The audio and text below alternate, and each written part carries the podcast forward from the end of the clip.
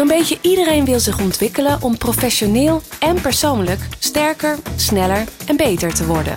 Maar hoe krijg je dat voor elkaar met een overvolle agenda?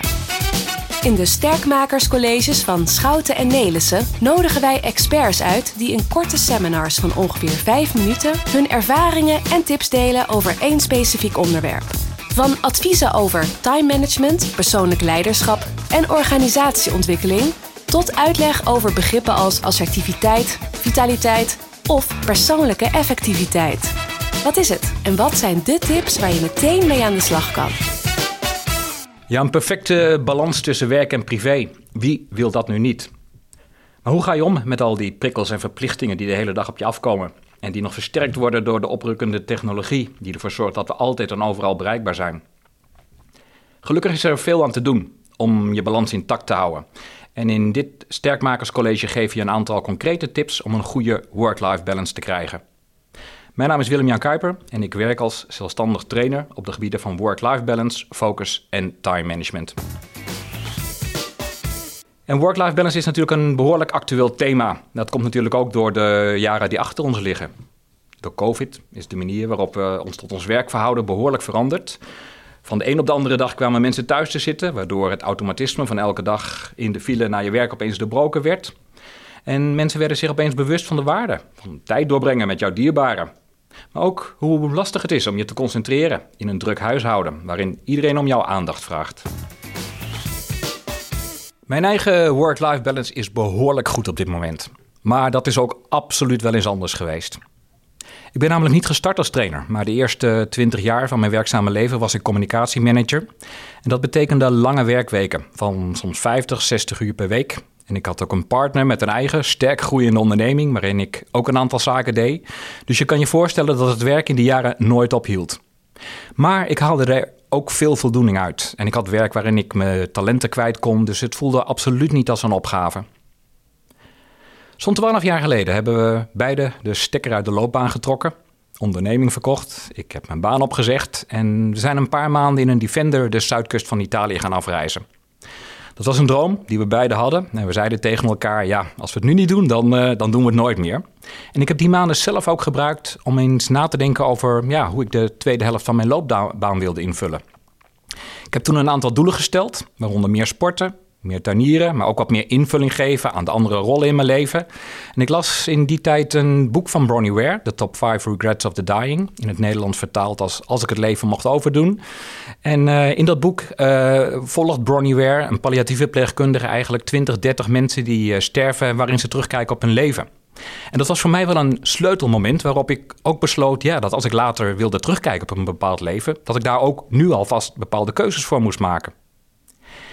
Ik heb toen besloten om niet meer terug te gaan naar de corporate wereld, maar als zelfstandig trainer te gaan werken. In de hoop iets meer zeggenschaps te krijgen over mijn werk en de tijd die ik daarin steek. Nou, inmiddels zijn we twaalf jaar verder en ik werk nog steeds heel hard, maar niet meer altijd. Er is ook voldoende tijd voor andere rollen in mijn leven. Zoals sporten, lekker met mijn handen in de aarde vroeten bijvoorbeeld. Ja, het krijgen van een, uh, van een goede work-life balance is voor mij persoonlijk best een worsteling geweest. En ik kan me ook voorstellen dat niet iedereen erop zit te wachten om uh, in een Defender uh, een aantal maanden de zuidkust van Italië door te trekken om tot, tot het antwoord op een aantal levensvragen te komen. Een aantal concrete tips, wat kun jij doen om die work-life balance te krijgen? Eerste tip die ik je wil geven is: bepaal eerst eens voor jezelf hoe jij je leven wilt inrichten. Met de verschillende rollen die je hebt. Wat is voor jou belangrijk? Hoe wil je straks, als je straks aan het eind bent gekomen, hè, denk maar even na dat boek van Bronnie Ware, terugkijken op je leven? Wat wil je verwezenlijkt hebben? En welke rol wil je ten opzichte van anderen aangenomen hebben? En realiseer je ook dat als je straks op een bepaalde manier wilt terugkijken, dat je nu alvast actie moet ondernemen.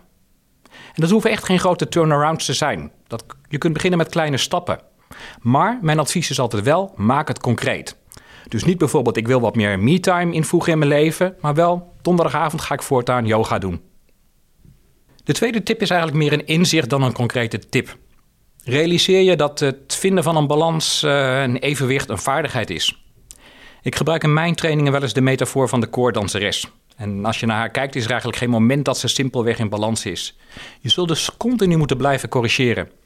En je raadt het al, zo gaat het ook bij de balans tussen werk en privé. Hoe beter je bent in het balanceren, hoe dichter je bij de ideale balans blijft. Maar je zult dus continu moeten corrigeren. En als je te heftig corrigeert, dan sla je te ver door, waardoor je heftige ups en downs ervaart. En hoe sterker die ups en downs, hoe minder balans jij ervaart. Dus als jij een echte pro wordt in het balanceren, dan blijf je in de buurt bij de ideale situatie. Zelfs als het leven je een duwtje geeft. En dit noemen we veerkracht. Je bent dan zo goed in het balanceren dat je op de ballen blijft staan, ook al schudt hij op zijn grondvesten. Hoe krijg je nou die balans? Ja, een mooi startpunt kan er zijn om per rol die je hebt in je leven te kijken welke zaken je nu energie vragen en welke je juist energie geven. En het is natuurlijk ideaal als die met elkaar in balans zijn. Maar vaak zie je dat in tijden van stress of disbalans juist die zaken die je energie geven, bijvoorbeeld sporten, vrienden opzoeken, meer me-time, worden overgeslagen. Terwijl die zaken juist nou jou de energie geven en voor veerkracht zorgen, die je nodig hebt om in balans te blijven. Blijf daar dus in investeren. Het is een investering in jouw persoonlijke veerkracht op langere termijn. We naderen langzamerhand het einde van dit Sterkmakerscollege. We hebben gezien dat in balans zijn een vaardigheid is. En dat kun je dus trainen, ervaring opdoen. Wees je daar bewust van. Bouw bijvoorbeeld eens balansmoment in. Dat kan een eh, wekelijkse wandeling zijn van een uur, waarin je voor jezelf letterlijk de balans opmaakt. Terugkijkt naar de week die achter je ligt en geef maar een rapportcijfer voor de balans die je hebt ervaren. Maar misschien ook voornemens maken voor de week die voor je ligt. Hiermee maak je het balanceren een vast onderdeel van je leven en ga je de kunst echt in de vingers krijgen. Bedankt voor het luisteren. Veel succes! Bedankt voor het luisteren naar de Sterkmakerscolleges. Hopelijk heb je er nieuwe inzichten door gekregen. Maar echt sterker word je door wat met deze inzichten te doen. Dus waar wacht je op? Ga aan de slag. Kijk voor meer informatie op sn.nl/slash sterkmakers-podcast. En vergeet ons niet te volgen op Instagram en LinkedIn. @sterkmakers_podcast.